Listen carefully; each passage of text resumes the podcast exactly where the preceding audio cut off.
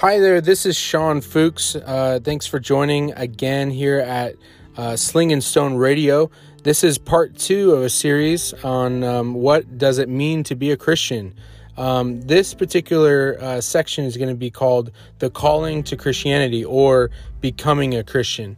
So, the last episode, we talked a lot about um, who Jesus Christ was, right? What the Bible said Jesus was in the Old Testament what the Bible said he was in the New Testament and who he is today, right?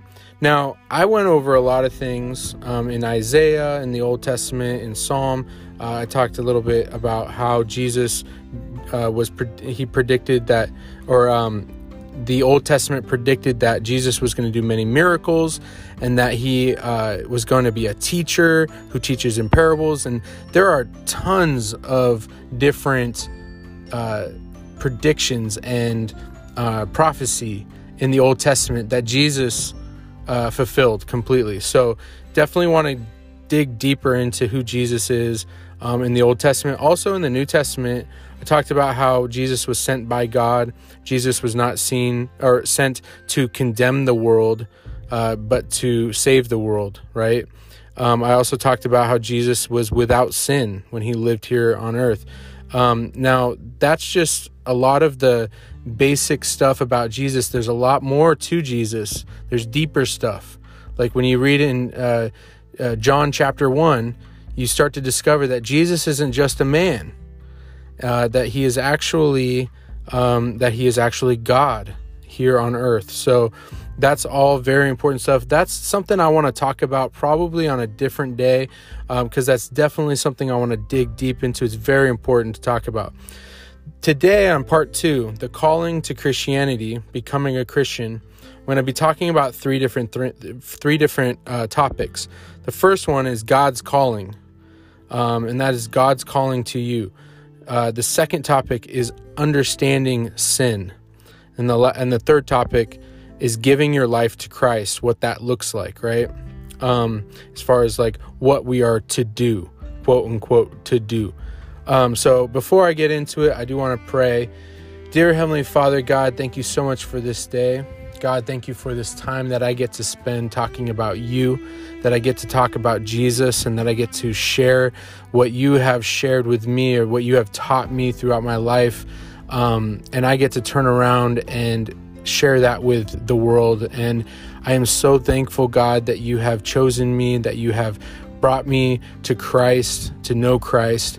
And I, I just pray, Father, that anybody who's listening to this, anybody who has questions, that they get answered. And I pray, Father, that they would have a, a, uh, a hunger to learn more about you through your word and uh, that they would come to know Christ um, intimately and that they would have a deep relationship and understanding of who Jesus is and who they are to Him. So I pray this in the name of Jesus Christ. Amen.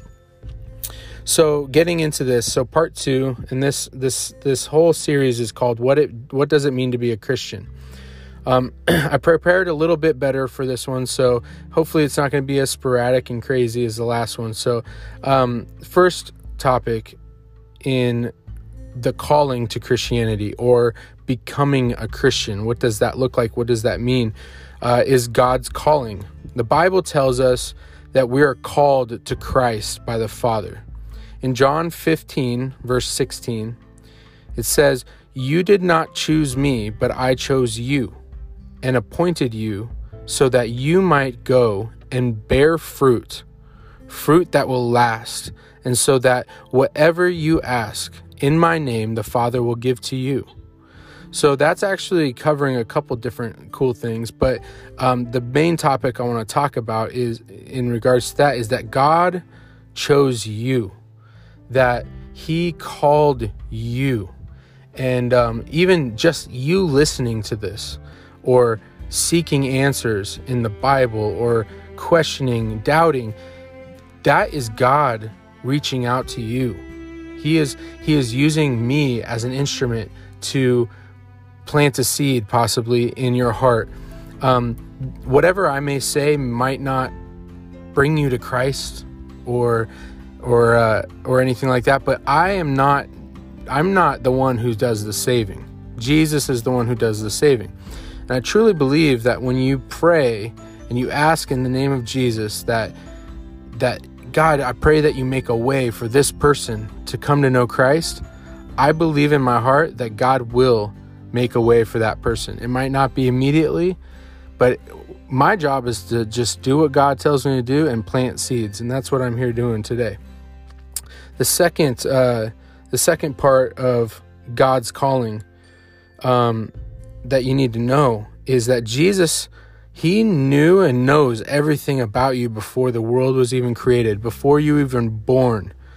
Um, in Jer- uh, Jeremiah chapter 1, verse 5, a very famous verse, he says, Before I formed you in the womb, I knew you. Before you were born, I set you apart. I appointed you as a prophet to the nations. Now, this verse is famous for a lot of reasons, but in this verse, God is saying, I, I, I formed you in the womb and I knew you, right? And I knew, and I had everything planned out for you before you were even here. Now, if you read the context of this, basically Jeremiah is questioning his ability to be a prophet, to be a leader for Christ. And God is basically saying, listen, I already got this planned out. You don't need to worry about it. I knew you before you were even born. So if he knew Jeremiah before he was even born, if he knew uh, before he was made in the womb, if he knew him, then he knows all of us. So why is that important? Because he knows that he has a plan for you, specifically you, me, your family, the person next to you who you don't even know. Every single person there is a plan that God has in store for them that's exciting, that's full of joy, that's full of um, purpose. Um, and it's through Jesus and through the Spirit that we, and reading the Bible and coming to know Christ, that we, that we learn what that purpose is and we live that purpose out. So that's God's calling. That's what that looks like. The second part to this that I want to talk about is understanding sin. so, there's a few things that you need to know about sin. Number one, God is perfect in every way, and He is completely holy. And holy means set apart, right? So, God is completely set apart, and He is perfect in every way. and according to the Apostle Paul, all people have sinned against God and have fallen short of God's glory. Okay? I'm going to talk about um like God's holiness here in a second. But we according to the apostle Paul, we have all sinned against God and we've fallen short of God's glory. And the thing is is one thing to point out here, and that's Romans chapter 3 verse 23 one thing that's really important to, to point out the world views this particular like talking about god and you know how we've always fallen sh- or we've all fallen short of the glory of god the world view of this idea has a lot of pride sometimes which means basically the world looks at this and goes who are you to say that i have sinned? Right we take a defensive, you know, approach to it. We get defensive. We say, you know, I'm not a bad person. I don't do drugs. I don't do this. I don't do that. The thing is, the truth of this is that we cannot understand God's true holiness while we're here on earth. In 1 Samuel chapter 2, verse 2, it says, There is no one holy like the Lord. There is no one besides you. There is no rock like our God. Isaiah 55, verse 9 says, As the heavens are higher than the earth, so are my ways higher than your ways, and my thoughts than your thoughts. Exodus 33, verse 19 says, And the Lord said, I will cause all my goodness to pass in front of you and I will proclaim my name, the Lord, in your presence. I will have mercy on whom I will have mercy, and I will have compassion on who I will have compassion. So, what's important about this? Oh, and there's a part of this that that's not in here for in Exodus 33 um, that I forgot to put in my notes. But the main point of Exodus 33 verse 19 is it says after that that no one can look upon the Lord and live. Okay, why is that important? So there's three things here. Number one, that um, it says that there is no one holier like our Lord. First Samuel. Isaiah 55 9 says, um, The heavens are higher than the earth, so my ways are higher than your ways, and my thoughts are higher than your thoughts. The third thing is talking on Exodus 33 when it says that no one can look upon the Lord uh, and live. And, and during that in during that passage, Moses is saying like, "Show me your glory, God." Like he was asking God, "Can you just show it? Show me your glory?" And he said to him, "Bro, you can't see me."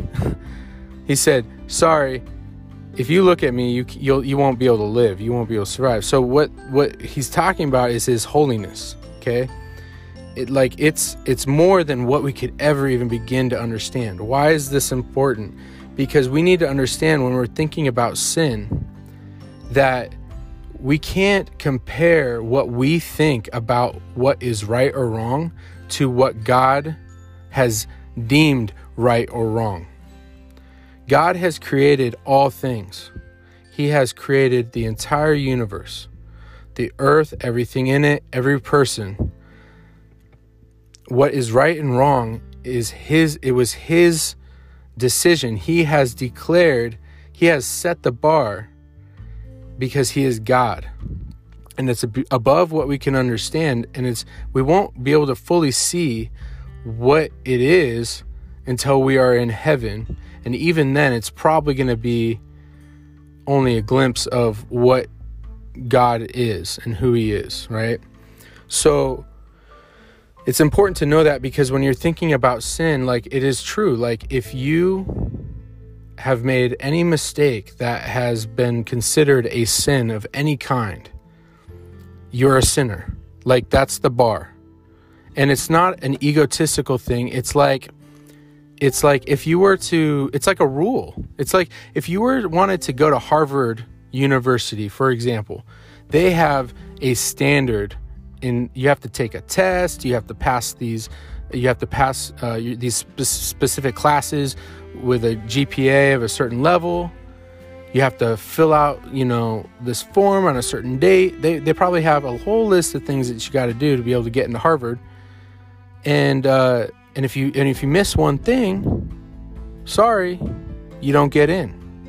Now that's a very small scale example like comparison to what God has, you know, and again, it's beyond what we can understand.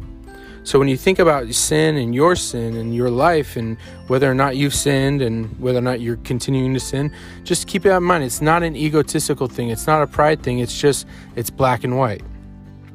The last, the last um, point that I want to talk about is the point of giving your life to Christ. So this is like the act of, I guess, giving your life to Christ. And I say act of, like quote unquote act, because the thing is, again, this whole topic is calling to, or it's uh, the calling to Christianity, becoming a Christian. And this is this is kind of like the moment when you've decided I want to surrender my life to Christ. What are we quote unquote supposed to do?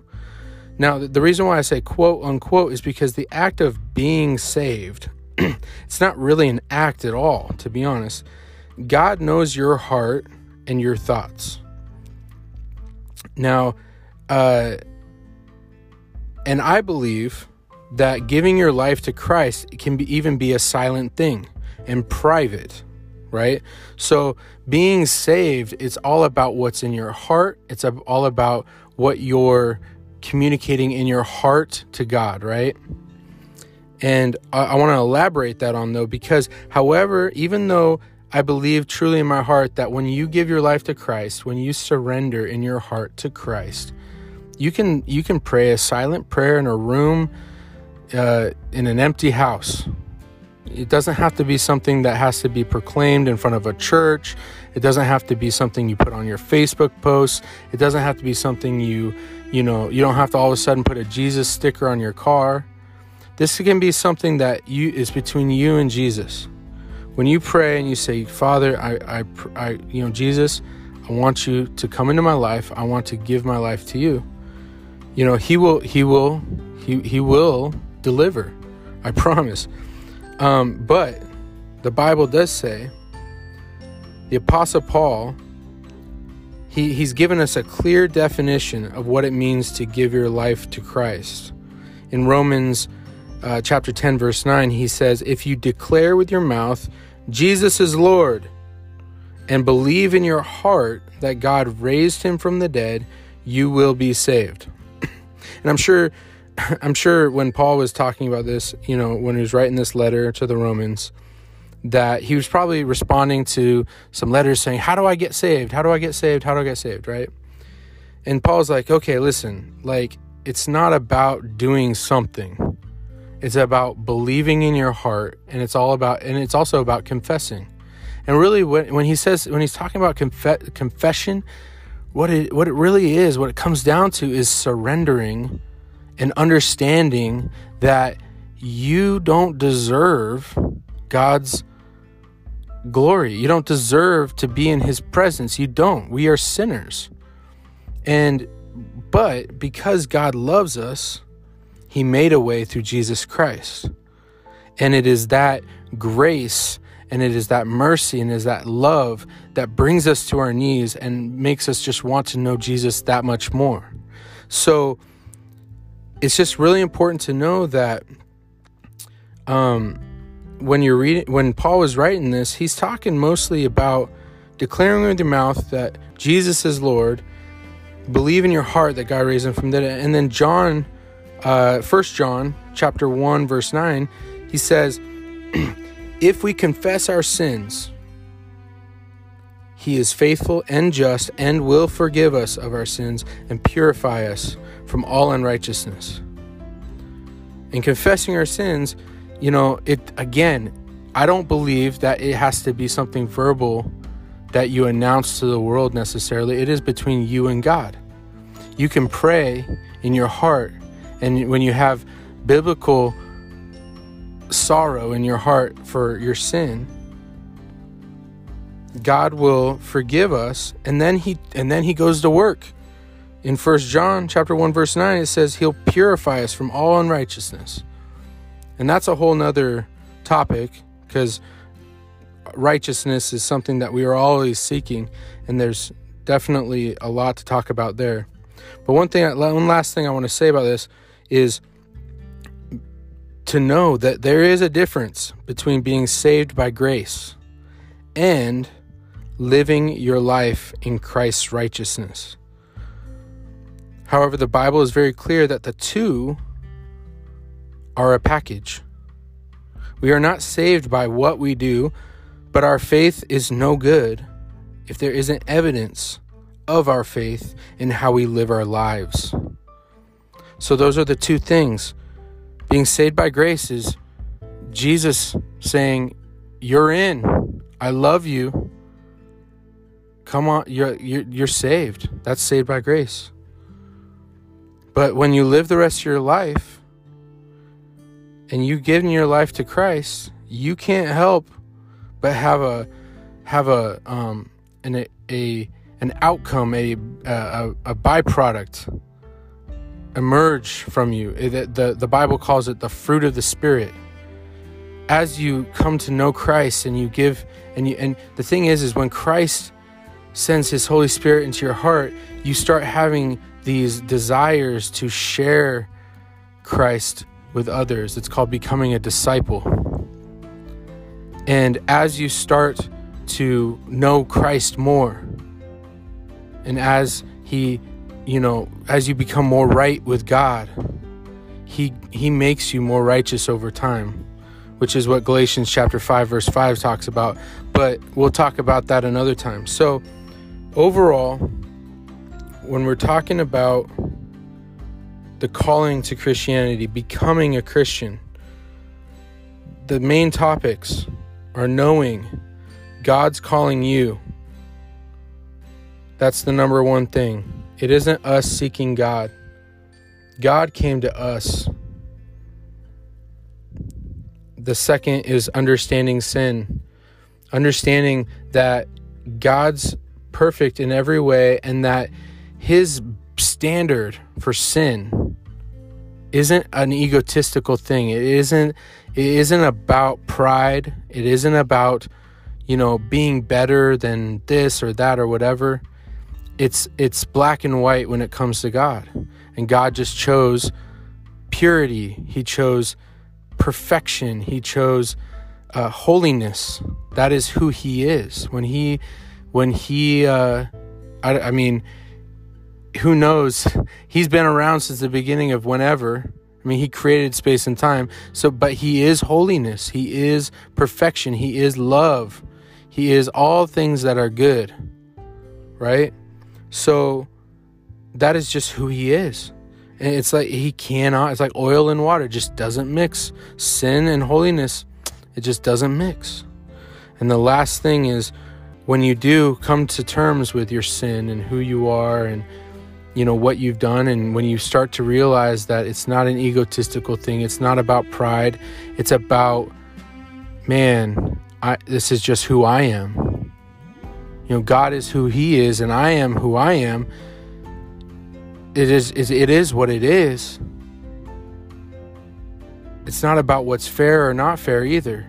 Because i can tell you right now if it was about being fair or not fair jesus christ down on the cross i can tell you right now that wasn't fair. But that but thank god it's not about what's fair and not fair because it's about God's grace, it's about God's love and mercy for us and forgiveness and saying, you know what, I know you cannot pay this debt, I will pay it for you. And that's what he did through Jesus Christ. And then knowing in your heart that God raised him from the dead and that you confess with your mouth that Jesus is Lord and you and you confess your sins in your heart or you can confess your sins with your mouth to God. You could even, if you wanted to, it's not required, but you can get together with the, a leader of, of, a church and talk about your sin if you want. I mean, it's, it's definitely helpful to, you know, iron things out and try to get some feedback. But ultimately, what, what matters is what's in your heart. And it's very clear in the Bible that grace, the grace of being saved by Jesus, is not the same as living your life under Christ's righteousness. There's two separate things. Being saved by God's grace through Jesus Christ is what gives you this this desire to live your life more righteously. And the more you come to know Christ and you fall in love with him, the more you're going to want that righteousness in your life. And ultimately, that's what I try to do when I'm talking about this. And, you know, Sling, Sling and Stone Radio is all about, uh, you know, sharing my thoughts and, and what I know about Jesus to the world around me. But it's it's it's a double it's a double it's a it's two different things for me. I get to share the gospel, I get to tell people, but I'm also I'm by teaching, I'm also learning and I'm becoming closer to Christ. I'm becoming a disciple myself. That is my desire. And so um, I really hope that this was helpful. And I, my prayer for everybody who listens to this is that you would take those word, these words, these verses, read them yourself in your own Bible. If you don't have a Bible, there's plenty of places to get a free Bible or you can go buy one at Barnes and Noble. But go get one. You can get a free Bible on your on an, on your phone through an app. But get one, read it yourself, and then pray about it. Pray about these things. Pray about sin. Pray about like God, will you reveal to me the sin in my life? Reveal it, and I promise you, He will. So God bless you all. we'll see you on next episode, and uh, we're going to talk more about what it means to be a Christian in part three. Take care and God bless.